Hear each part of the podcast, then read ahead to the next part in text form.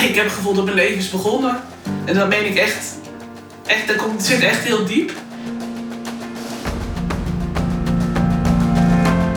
Omdat ik altijd voor iemand anders heb geleefd en nu eigenlijk voor het eerst het gevoel heb van oké, ik, leef, ik leef op mijn manier. Zoals jij het zo mooi zegt altijd, maar dat is echt zo. Ik heb echt het gevoel dat, dat ik nu pas dingen doe waar ik gelukkig van word.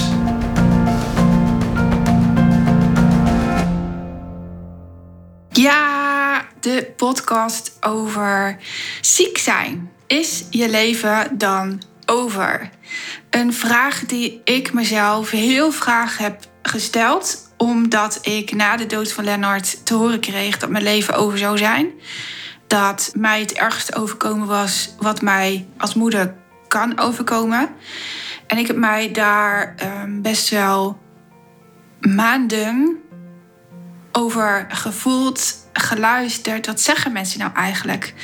En um, ik kwam erachter dat ze zeggen dat ik nooit meer voluit kan leven. Ze praten niet per se over de pijn die ik heb, maar wel over um, ja, dat ik er altijd last van ga hebben dat Lennart er niet meer is.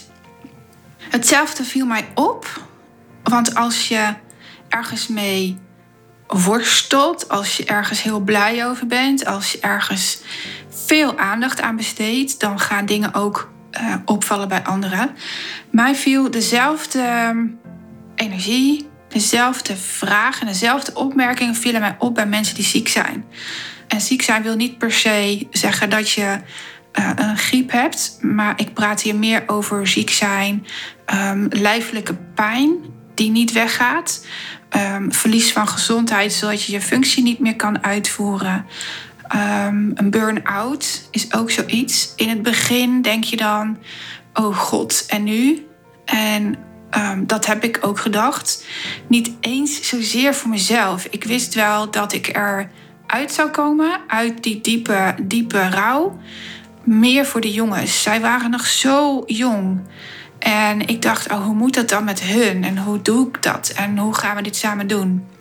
Maar als je op wat oudere leeftijd ineens iets onverwachts aan je lijf meemaakt, dan krijg je zo'nzelfde reactie. Oh god, en nu dan?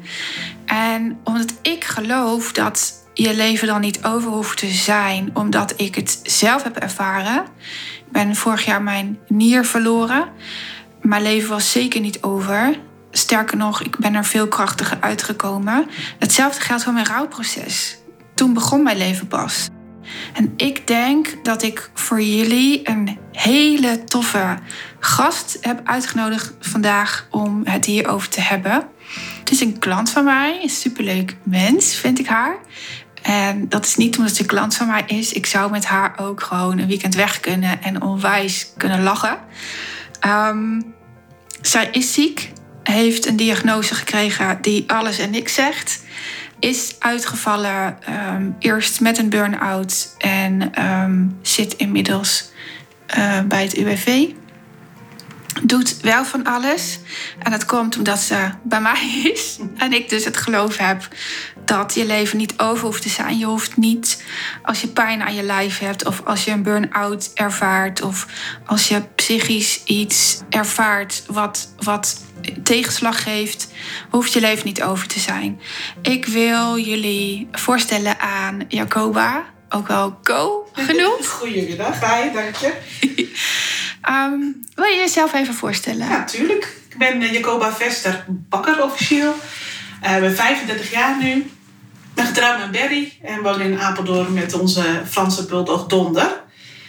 En um, nou ja, ik ben inderdaad ziek. Ik heb de diagnose gekregen, een functionele neurologische stoornis. Nou, dat zegt net zoals Wendy al zei, van betekent eigenlijk net niks. Maar het houdt in dat ik um, eigenlijk heel veel uitval heb. Uh, uitval van mijn rechterbeen. Um, en ik heb chronische pijn. Chronische pijn zit eigenlijk in mijn hele lijf. En dat heb ik 24-7. En dat is um, nou, voor mijn gevoel wel behoorlijk heftig pijn is um, dagelijks wel een beetje richting, als je het kijkt op schaal van 1 tot 10. 1 is niet zo erg en 10 is erg, is het voor mij wel een 8 tot 9. Um, er is verder geen medicatie voor mogelijk, dus uh, ja, dat moet ik gewoon doorstaan. En wat betekent het dan voor jou, Jacoba, als jij iedere dag acht tot negen pijn hebt? Qua cijfer dan, hè? niet qua tijd, maar qua cijfer. Ja, ja, dat is, ik ervaar het wel als heftig. In eerste instantie eh, beheerste het ook echt wel mijn hele leven. Eh, de eerste half jaar dat ik ziek was, eh, of ziek ben geworden na mijn burn-out, heb ik ook echt wel een half jaar lang op bed gelegen.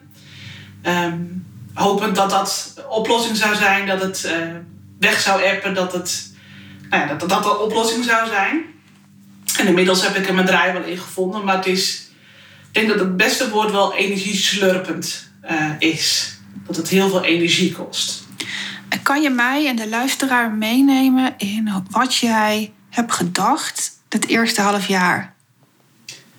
Uh, het eerste half jaar is heel heftig geweest. Ik heb, um, nou, ik heb inderdaad gedacht dat mijn leven over was. Dat ik er nooit uit zou komen. Uh, neerwaartse spiraal. En op het einde heb ik zelfs gedacht dat ik niet zo verder zou willen leven. Dat als dit mijn leven zou zijn, dat het dan voor mij ook niet zo hoefde. Dus wow. het is behoorlijk heftig. Ja. ja. Een half jaar zeg jij. Dus een half jaar lig jij op bed. Heb je iets in je bed ook gedaan aan creativiteit of uh, gelezen? Of heb je alleen maar gestaard? Wat heb je gedaan? Wat ik me kan herinneren is dat ik alleen maar, dat ik eigenlijk alleen maar ademde. Dat ik alleen maar was. Um, wachten, ook wachten op hulp. Heel veel, voor mijn gevoel heel veel geschreeuwd om hulp.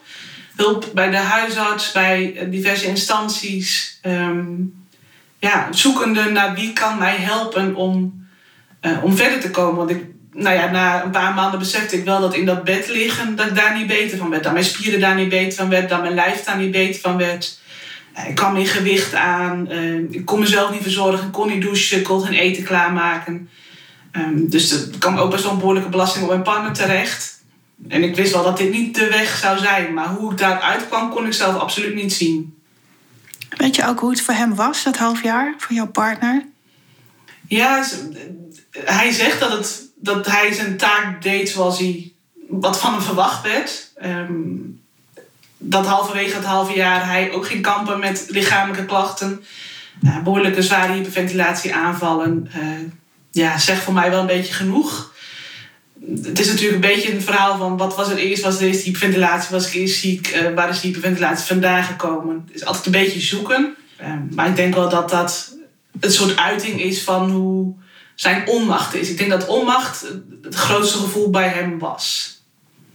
Wat is de grootste verandering toen in jullie relatie geweest? Er was totaal geen intimiteit. Er was geen gelijkwaardigheid. Dat vind ik het allerergste. Dat, geen, dat hij echt voor mij moest zorgen. En terwijl ik daarvoor altijd heel erg veel voor hem zorgde. Ik ben echt een heel zorgzaam type vanuit huis uit. Ja, dat ik, dat ik eigenlijk wel aan hem overgeleverd was, is niet een goede rolverdeling. Ik wil wel even inhaken op die zorgzaamheid, want ik ken jou natuurlijk langer dan vandaag. Mm -hmm. um, en ik vind het wel fijn om dit als les mee te geven aan de luisteraar. Ik ben zelf ook zo'n type die heel graag uh, wilde zorgen. Ik was zo'n type, laat ik het zo zeggen. Graag voor een ander wilde zorgen. Ik had vanmorgen nog een klant die hetzelfde heeft. Nou, nooit hetzelfde, vergelijkbaar. En um, kun jij vertellen wat jij deed voordat jij uh, ziek werd? Wat voor werk? Ik moet even teruggaan naar een pod podcast van je. Daar hoorde ik het woord redden. Ik denk dat dat ja. heel past bij het verzorgende. Dus het was niet eens uh, wachten op dat iemand vroeg om verzorgd te worden. Uh, nee, dat was ik gewoon. Dat deed ik gewoon. deed ik altijd een stapje vooruit. Um, ik deed werk als klantservice medewerker bij een uh, grote uitvaartverzekeraar. En um, ja, daar probeer ik heel erg mijn plek te claimen, misschien wel. Uh, ik was daar best wel aanwezig om gezien te worden. Um, ik deed eigenlijk best wel werk onder mijn niveau. Um, en daardoor compenseerde het op alle manieren door uh, alle allerlei projecten mee te doen. Dit is echt leuk. Ik ga, je in, ik ga inbreken. Um, voor de luisteraar praat je poep. En je weet wat ik, dan, wat ik daarmee bedoel. Ehm, en wat mij betreft blijft het ook gewoon in de podcast. Want dit is, dit is wat heel veel mensen doen. Ze leggen net niet uit wat ze deden. Maar ik ga Jacoba even vertalen. Wat Jacoba deed was uh, eigenlijk administratie en klanttelefoontjes. En in die klanttelefoontjes uh, liep ze aan tegen een protocol. Weet je nog, dat je ja, dat mij dat ja. hebt verteld? En als je meer wilt doen als je er echt voor een klant wil zijn en je hebt, een, je, hebt je aan een protocol te houden. Een script. Een script, ja, een script. Dus een telefonisch script. En we kennen allemaal wel de irritatie van een script als je door een telefonisch, telefonische verkoper wordt gebeld. sommige mensen leggen neer. Wij proberen mega originele, irritante antwoorden terug te geven. maar maak daar een sport van. Het is heel gemeen. Want ik weet hoe, hoe rot het is als je dan niks verkoopt. Dus ik bied ook altijd excuses aan. Um, maar als je aan een script moet houden en je wil meer geven dan dat en je mag het niet, dat zorgt voor frustratie. En als je dat heel lang volhoudt, dan gaat je lijf op de rem stappen. Heel vaak is het als je hoe je één ding doet, doe je alles. En um, waar heb jij nog veel meer gegeven dan je eigenlijk had hoeven doen? Ja, punt. Ik ben 24 februari 2019 is de eerste dag dat ik echt ziek werd. Dat ik uh, de wekker ging om naar werk te gaan en nou, mijn lijf gewoon uit was, gewoon niet meer deed. De drie jaar daarvoor hebben wij uh, fertiliteitsbehandelingen gedaan om uh, onze kinderwens te vervullen. Begin januari 2019 hebben wij nou, te horen gekregen dat het definitief ongewenst kinderloos zou blijven. Dat, het, dat we moesten stoppen. En um, ja, daar ben ik heel ver over mijn grenzen heen gegaan. De laatste poging, de derde poging, um, ben ik nog voller gestopt met hormonen. Uh, is de, de race eigenlijk de, de, de drang, de, ja, die was nog hoger als de, als de eerdere poging. Er lag zo'n druk op van deze poging moet het lukken. Uh, dat ik eigenlijk ja, achteraf gezien had gewild dat we daar gewoon gestopt waren. Of hadden gezegd van nou neem maar een halfjaartje rust.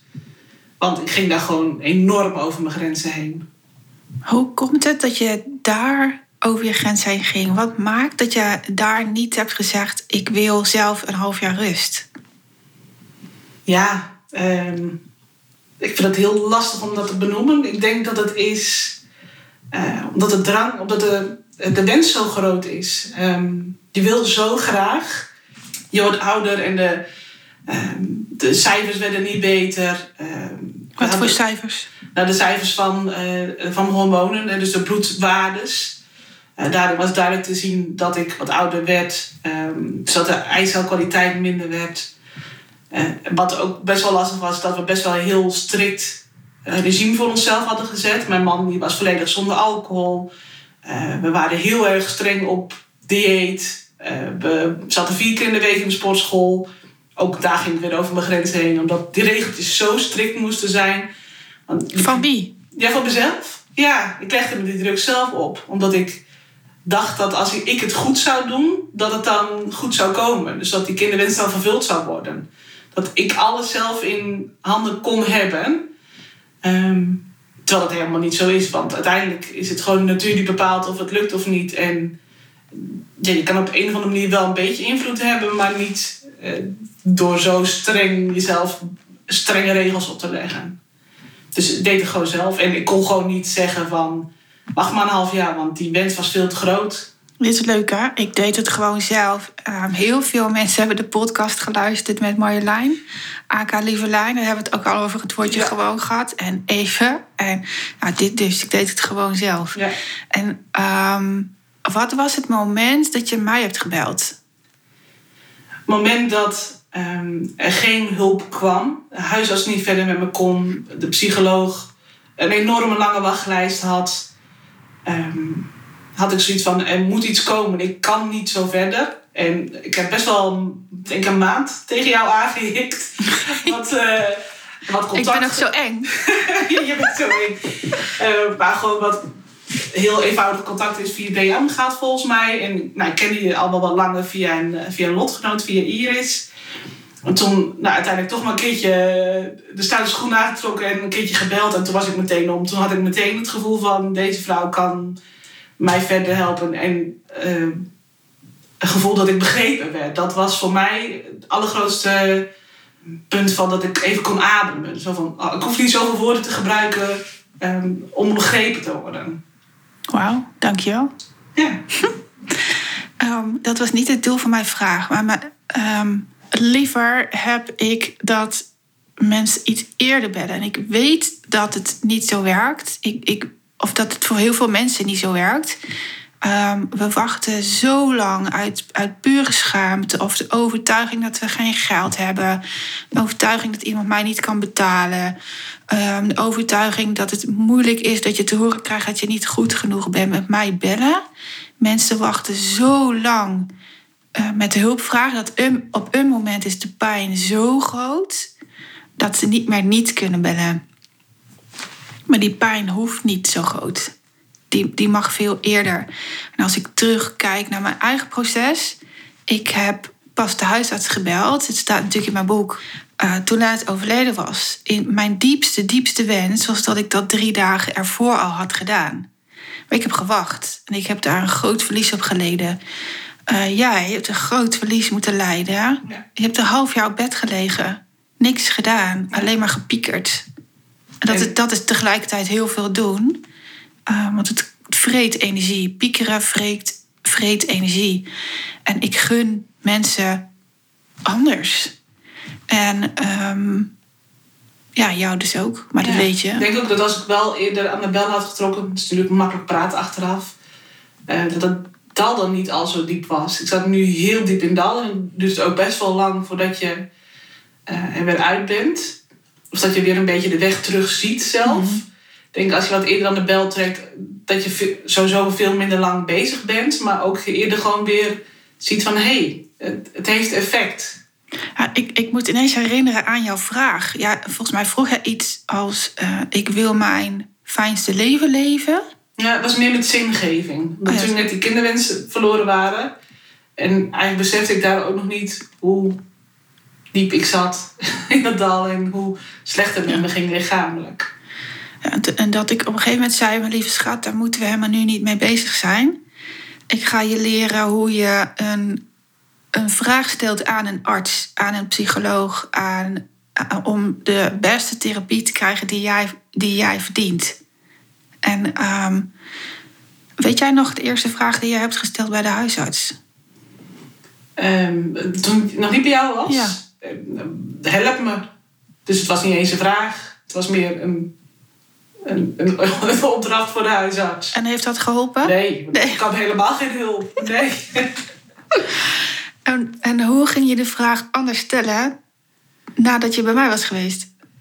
Uh, sowieso legde ik er meer gevoel in. Dus ik kon veel makkelijker zeggen wat ik voelde.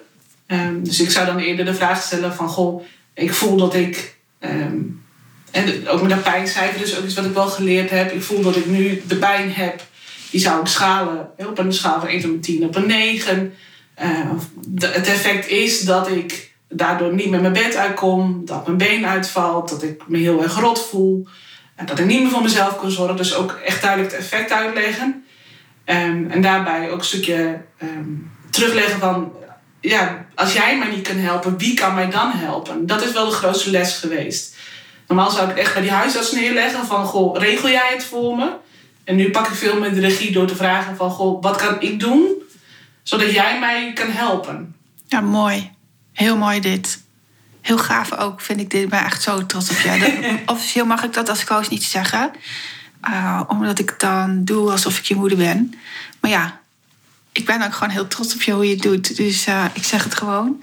Um, dit is zo belangrijk om, voor jou, voor als je luistert, om te onthouden dit geldt voor alles. Als je een gesprek hebt met je leidinggevende, wees dan zo specifiek mogelijk.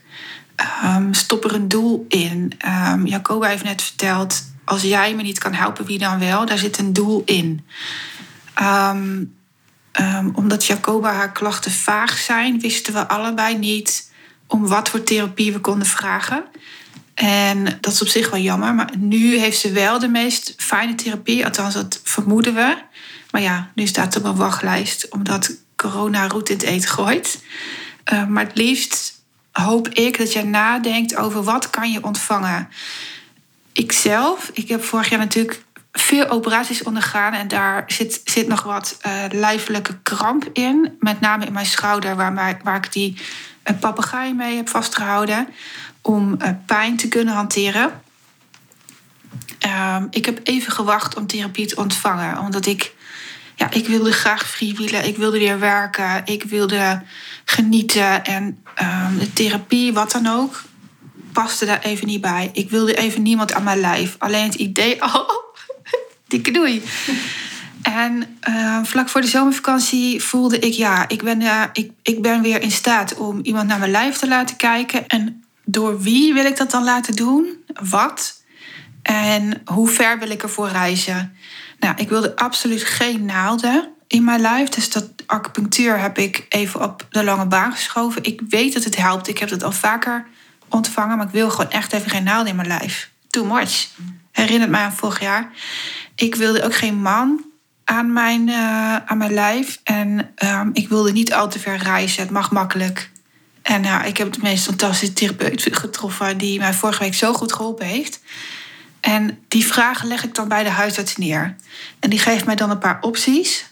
Omdat ik vraag om opties. En dan ga ik sites bekijken. En ga ik uh, voelen bij wie ik mij het meest uh, fijn voel. Ik hoef maar vijf minuten te lopen. Het is echt hilarisch. Uh, vaak zoeken we het heel ver weg. Vaak zoeken we het heel ver weg. Vergeten we in ons eigen netwerk te kijken, bijvoorbeeld. En uh, ja, eigenlijk zat ik al in jouw netwerk via Iris. Ja, volgde ik jou ook eigenlijk al wel heel Ja. lang. Ja. Cool, hè? ja. Dat is echt cool. Um, hoe is jouw leven nu veranderd? Hoe lang heb jij nu eigenlijk al pijn? Twee jaar? Ja, het is na anderhalf jaar, sinds uh, februari vorig jaar. Um, ja, mijn lijf, leven is sinds ik bij Wendy ben heel erg veranderd. Goh. Dankjewel.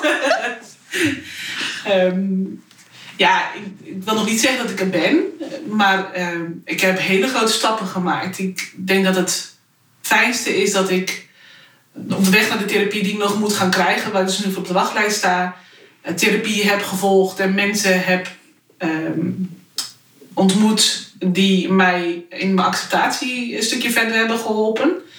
Uh, acceptatie van wat? Ja, van het nieuwe nu, van het nieuwe, nieuwe normaal, zeggen ze. Zoals ze het de term zouden zeggen. Wat is dan het nieuwe normaal? Nou ja, dat ik met de pijn moet leven. Oké. Okay. Dus de, de, de, het krijgen van een diagnose was voor mij een, uh, een heel grote stap. Uh, waardoor ik uh, een soort gevoel kreeg van oké, okay, dit kan ik verwachten. Dat lag nog ergens heel erg belangrijk in mijn achterhoofd.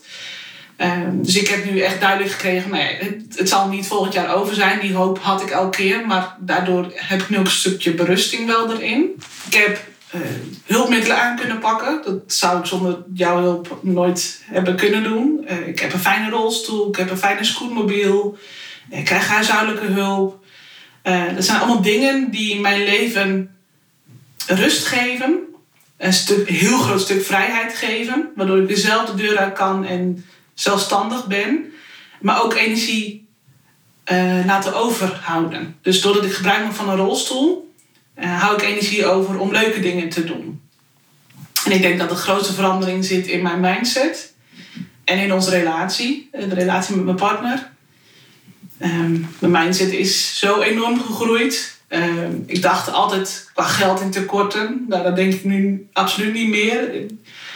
Ik zou nu echt heel makkelijk een geld neerleggen voor de therapie, omdat ik weet en heb geleerd van het geld komt er wel.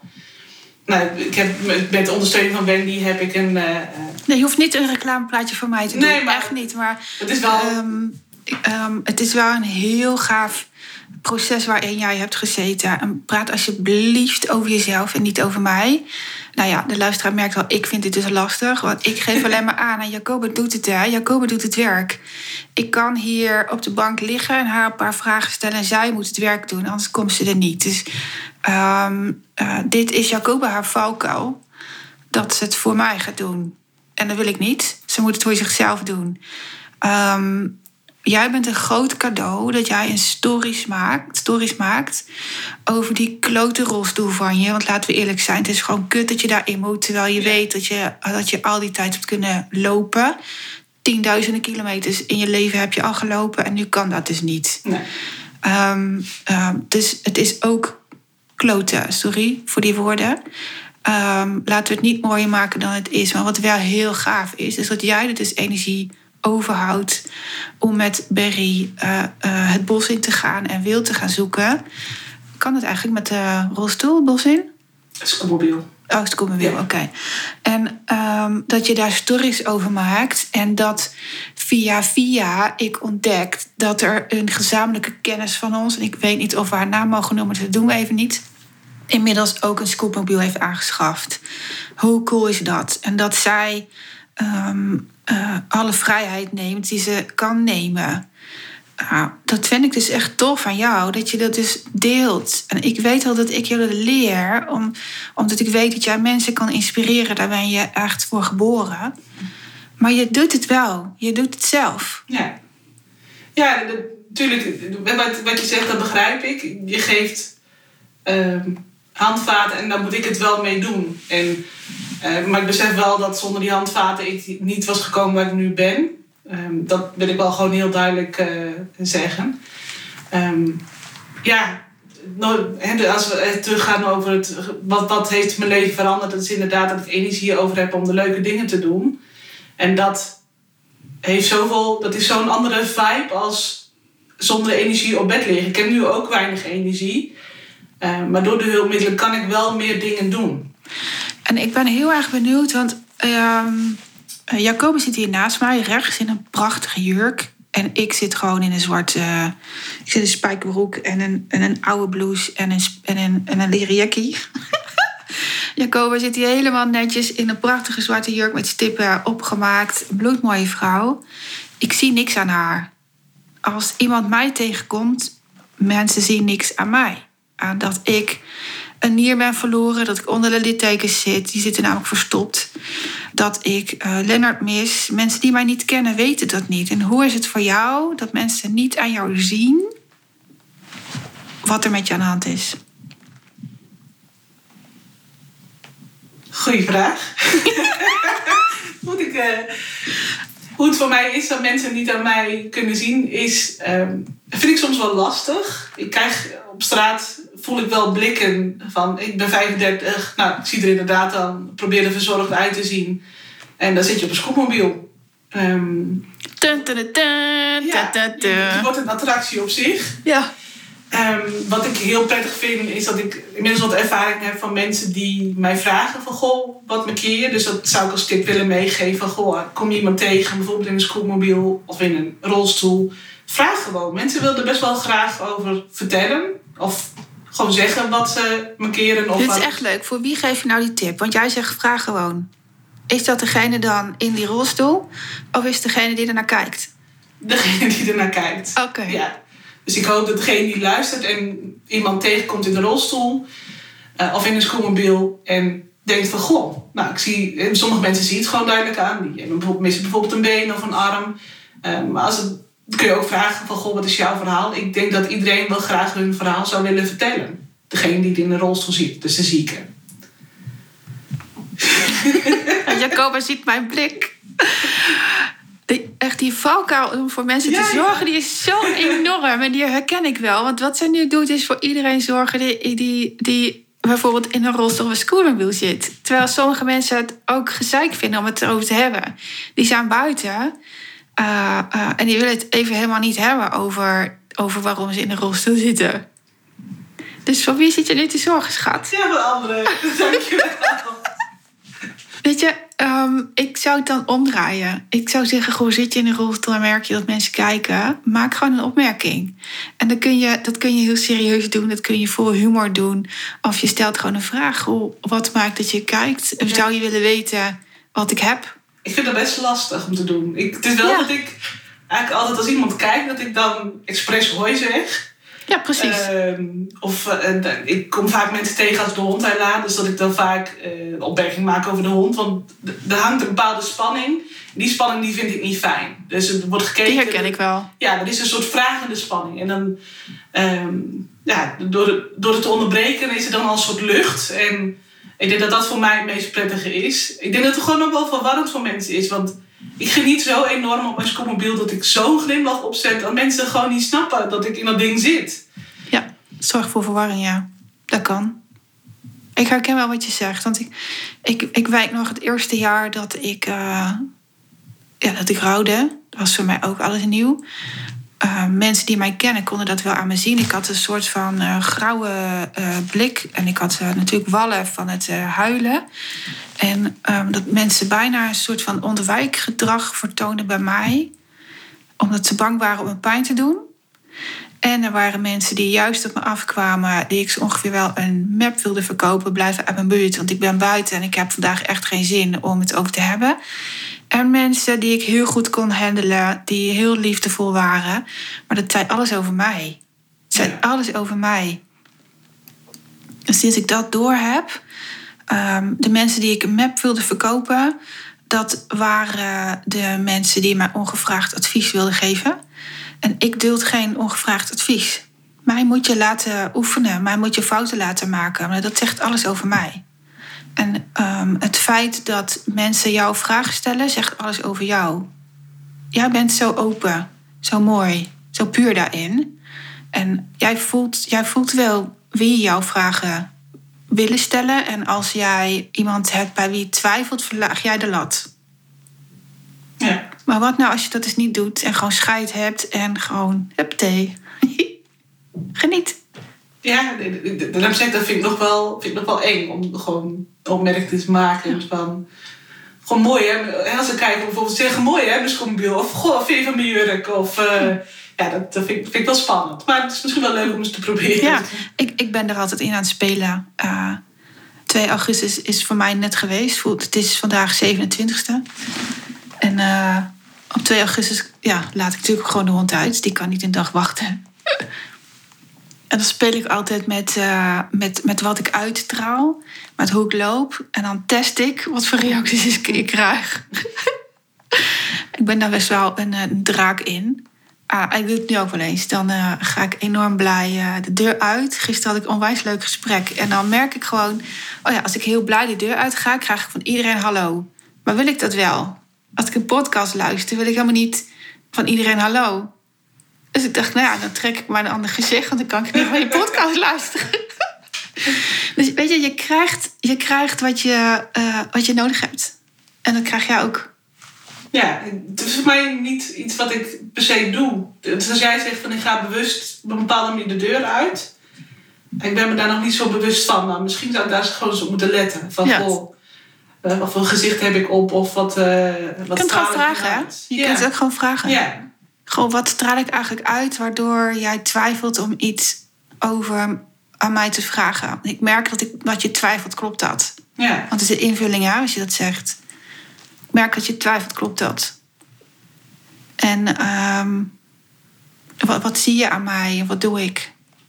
Er zit hele leuke informatie in waar je, waar je wat van kan leren. ja. Ik ben slag. Ja, mooi man. En hoe anders is je leven nu ten opzichte van vorig jaar? Wat doe je anders? En nou ja, ik ben ontslagen op, op mijn werk tussentijds omdat ik ziek ben. Zegt ze even gewoon tussen de snip. Ja, het contract werd niet verlengd. Ehm, ik, had, ik had altijd de allergrootste angst was dat ik thuis zou komen te zitten en dat ik me dan ga gaan vervelen. Ehm, dat is het laatste wat ik nu doe. Ehm, ik geniet e- best wel van de vrijheid die ik heb. Ehm, aan leuke dingen. Ik nou, mag graag eh, met de hond op stap. Hè, dus, dus echt even erop uit.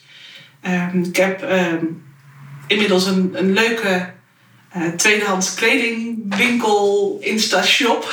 Ja, leuk man. Eh, dus ik verkoop nou, van vrienden, familie, ook voor mezelf, tweedehands kleding. En ik vind dat proces gewoon heel leuk. Kan ik mijn eigen momenten doen. Ehm, een beetje fotograferen, het online bezig zijn. Niet een beetje, hè? Je fotografeert. Niet een beetje. Fotografeer.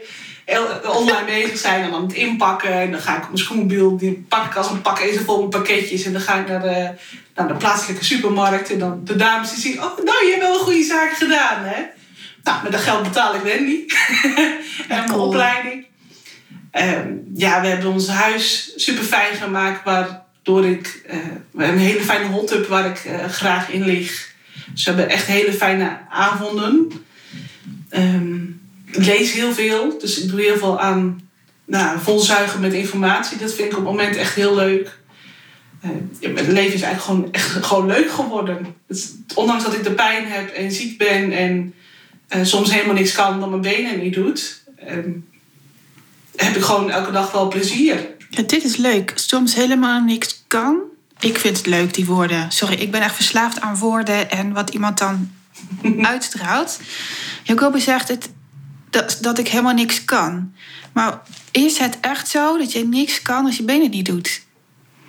Nee, dat is niet zo. Nee. Nee, ik lig op bed. Dat is wat ik, eh, waar ik me dan het prettigst voel en wat het gewoon het makkelijkste is. Maar vanuit bed kan ik ook heel veel, want eigenlijk mijn hele tweedehands bedrijf kan ik uh, runnen vanuit bed. Ik kan heel veel vanuit bed. Ja. Tada. Het, voelt, voelt, het is meer dat ik dan lichamelijk weinig kan. Dat ja, is, precies. ja. En daar zit de frustratie op en die mag er ook zijn. Dat is ook helemaal oké. Maar het, het, dit, eigenlijk zijn het woorden van de ziel van Jacoba die spreken dat het lastig is en rot is en zwaar mag zijn dat je benen niet doet. En dat het nog rotter is dat je niet weet waardoor dat is. Is geen oorzaak. Nee. En uh, kijk, de spirituele oorzaak is dat je jaren over je gids bent gegaan en kaart stop bent gezet. Die herken ik natuurlijk bij mezelf ook. Ik ging ook jaren over mijn grens en ik mocht mijn kind ervoor verliezen om dat te kunnen snappen. Maar lichamelijk ben ik wel manier kwijt. En waarom? Geen idee. Ja. Waaraan Lennart is overleden, waarom? Geen idee. We weten niet waaraan. De oorzaak is onbekend. Dat, daar mogen wij best last van hebben daar mogen we echt af en toe bij stilstaan. Als zijn, oké, ja, ik heb dit signaal gehad. En ik wil het nu anders. Ik wil nooit meer zo ver over mijn grens laten gaan.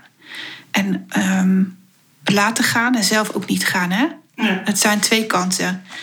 Volgens mij zit deze hele podcast vol met twee kanten. Want ik heb je natuurlijk net ook gevraagd voor wie zorg je.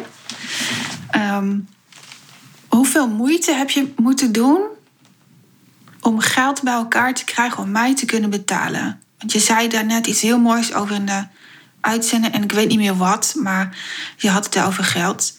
Hoeveel moeite heb je daarvoor moeten doen? Weinig. Het kostte tijd, het kostte energie, maar het geld kwam. En dat kostte niet veel. Dat, dat, dat, ja, het, het kwam eigenlijk vanzelf. Ik had uh, een bedrag, dus ik had een streefdoel. Um, en ik had het vrij vlot ook wel elke keer bij elkaar. En ja, hoe dat werkt, dat, je kan het heel theoretisch mooi uitleggen, maar het, het, werkte, het werkte gewoon zo. Ja, cool. Um, toen ik er net zo in zat als jij, um, dus voordat Lennart stierf, dacht ik altijd dat geld heel zwaar was. Dat geld, dat je daar hard voor moest werken, dat je er heel veel voor moest doen. En um, toen verloor ik Lennart en toen ja, op een moment krijg je gewoon minder salaris omdat je te lang ziek bent. Tenminste, voor mij gold dat. Mij ook.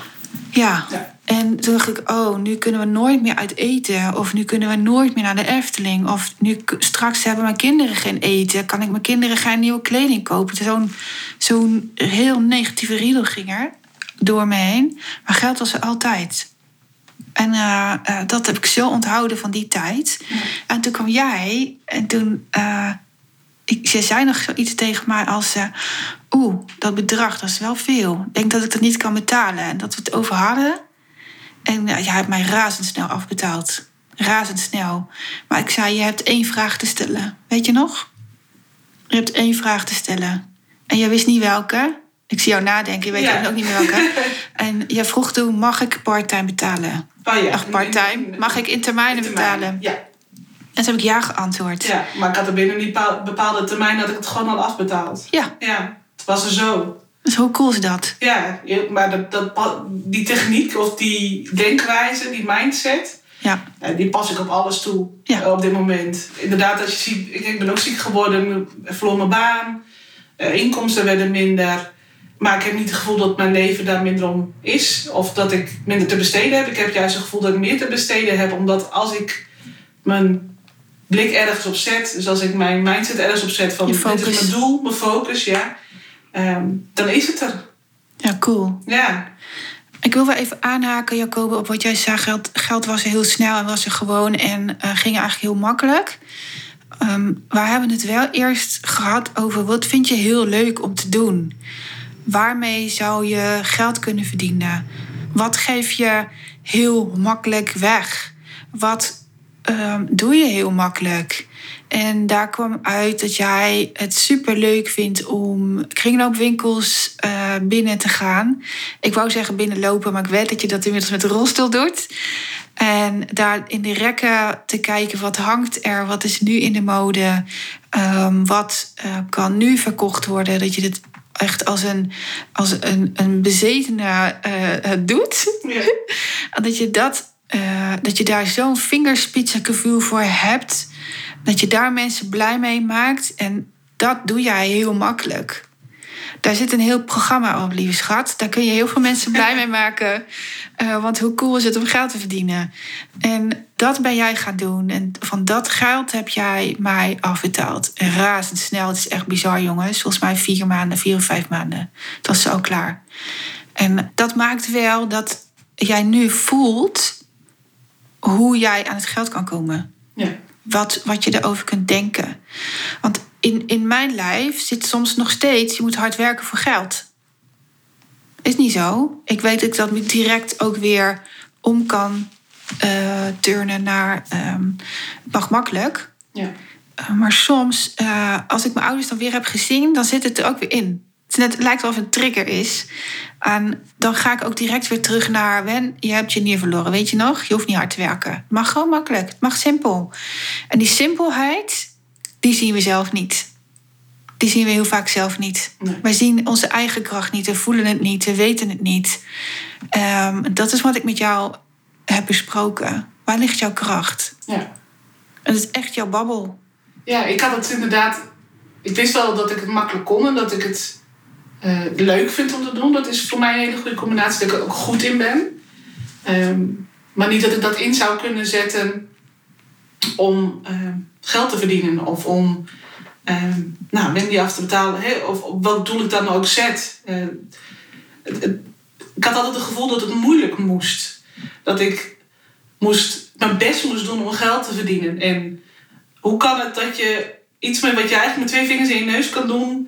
Uh, zo voelt het voor mij. Voor een ander zou het misschien anders voelen. Maar dit voelt voor mij als met twee vingers in mijn neus. Hoe kun je er geld aan verdienen? Dat, dat ging bij mij er gewoon niet in. Dat moest nou, wel even, de, even dalen en echt gezegd worden van het mag makkelijk. Dat is ja. een van mijn motto's. Het mag makkelijk. Ja, ja, ja. Bij ons is het nu, als het aan het einde van de maand is en nou, het salaris is eerder op als het de maand is, dan zeggen we van oh, nou gaan de zolder even op. Oh, dit kan nog wel op maar een plaats. Nou, dan kunnen we weer drie weken boodschappen doen.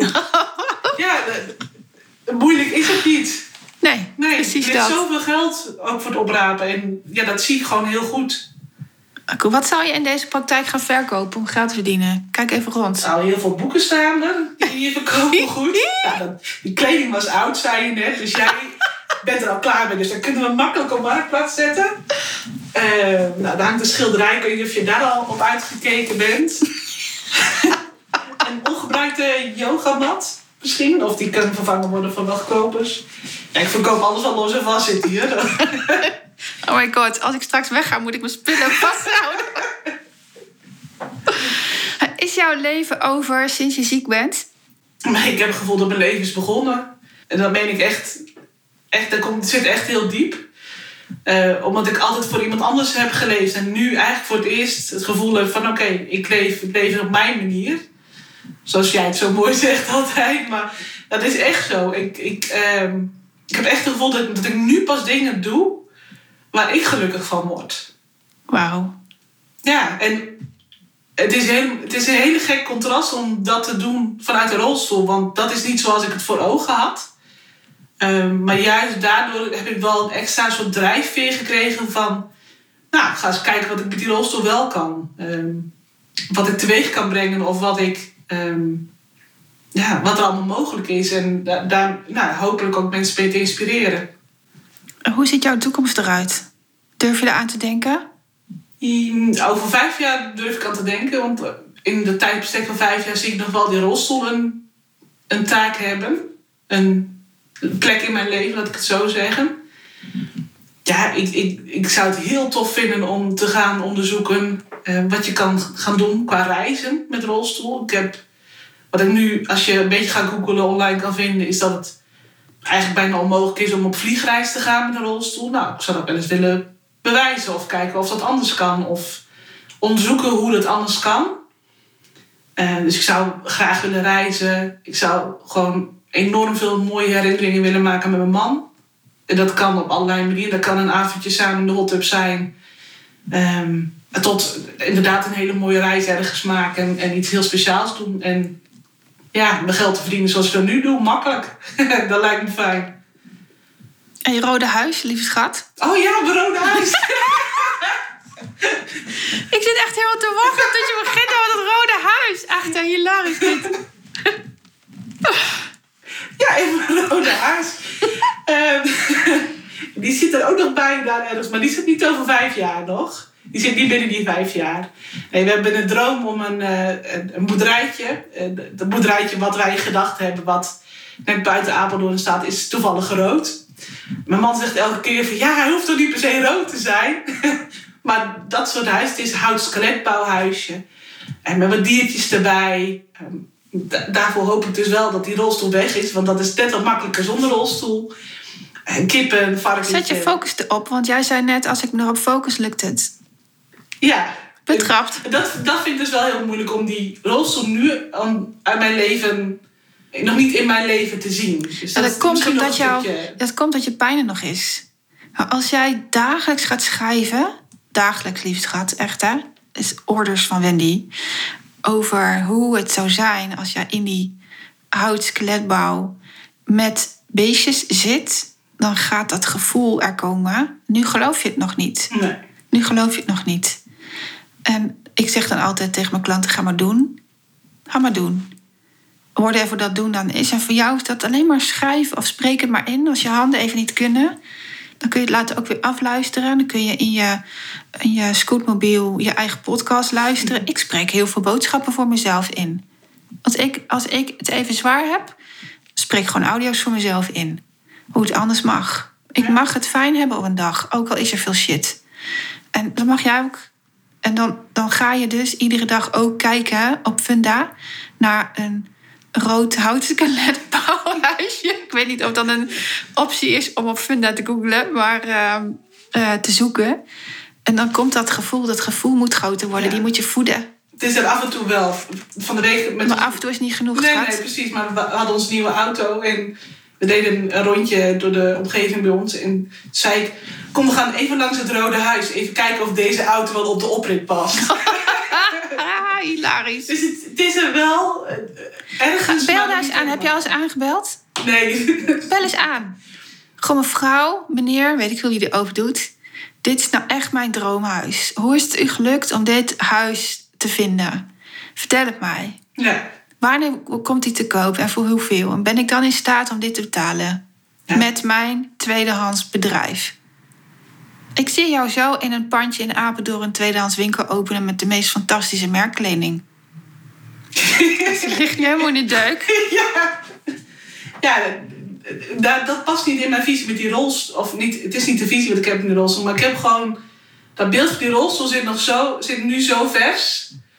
Ehm, Ja, ik hoor het je ook zeggen. ja. Dus ga je iedere dag het tegenovergestelde aan jezelf bewijzen. Jij wil graag bewijs. Mhm. Ook van het vliegtuig en vakantie. Jij wil bewijs. Dus dan ga je gewoon lekker positief dat bewijs gebruiken. Ja.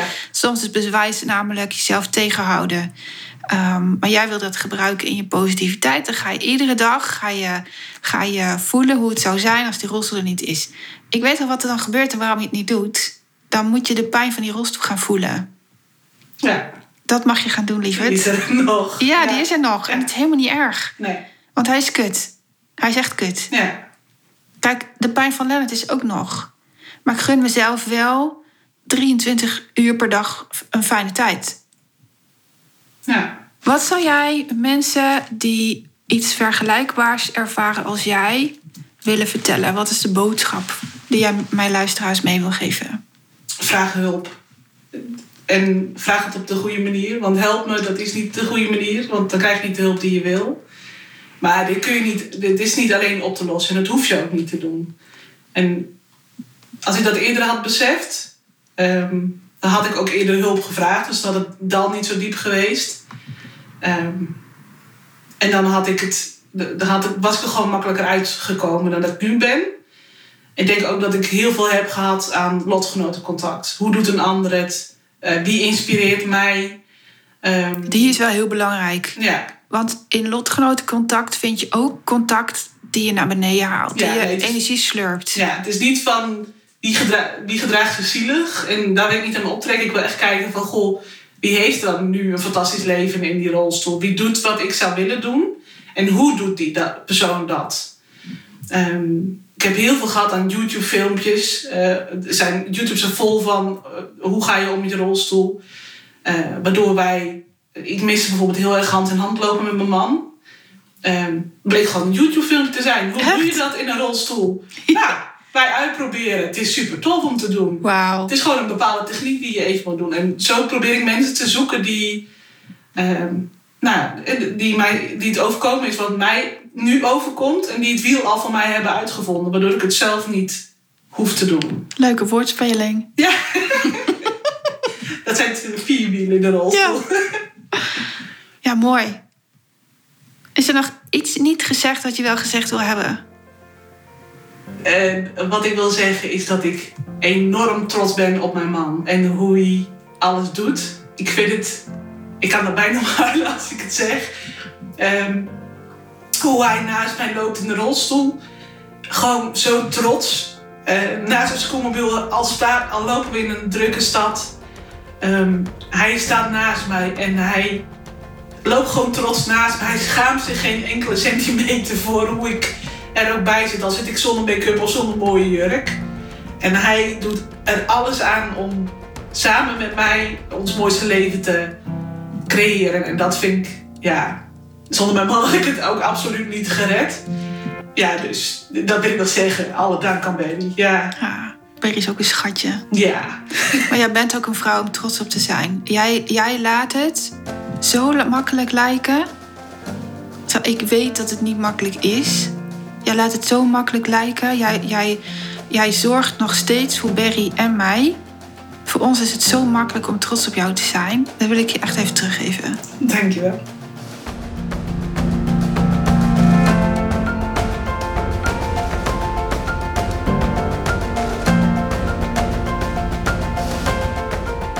Geen idee waar de volgende podcast over gaat. Meestal kondig ik de volgende aan. Ehm, dus dat wordt een verrassing.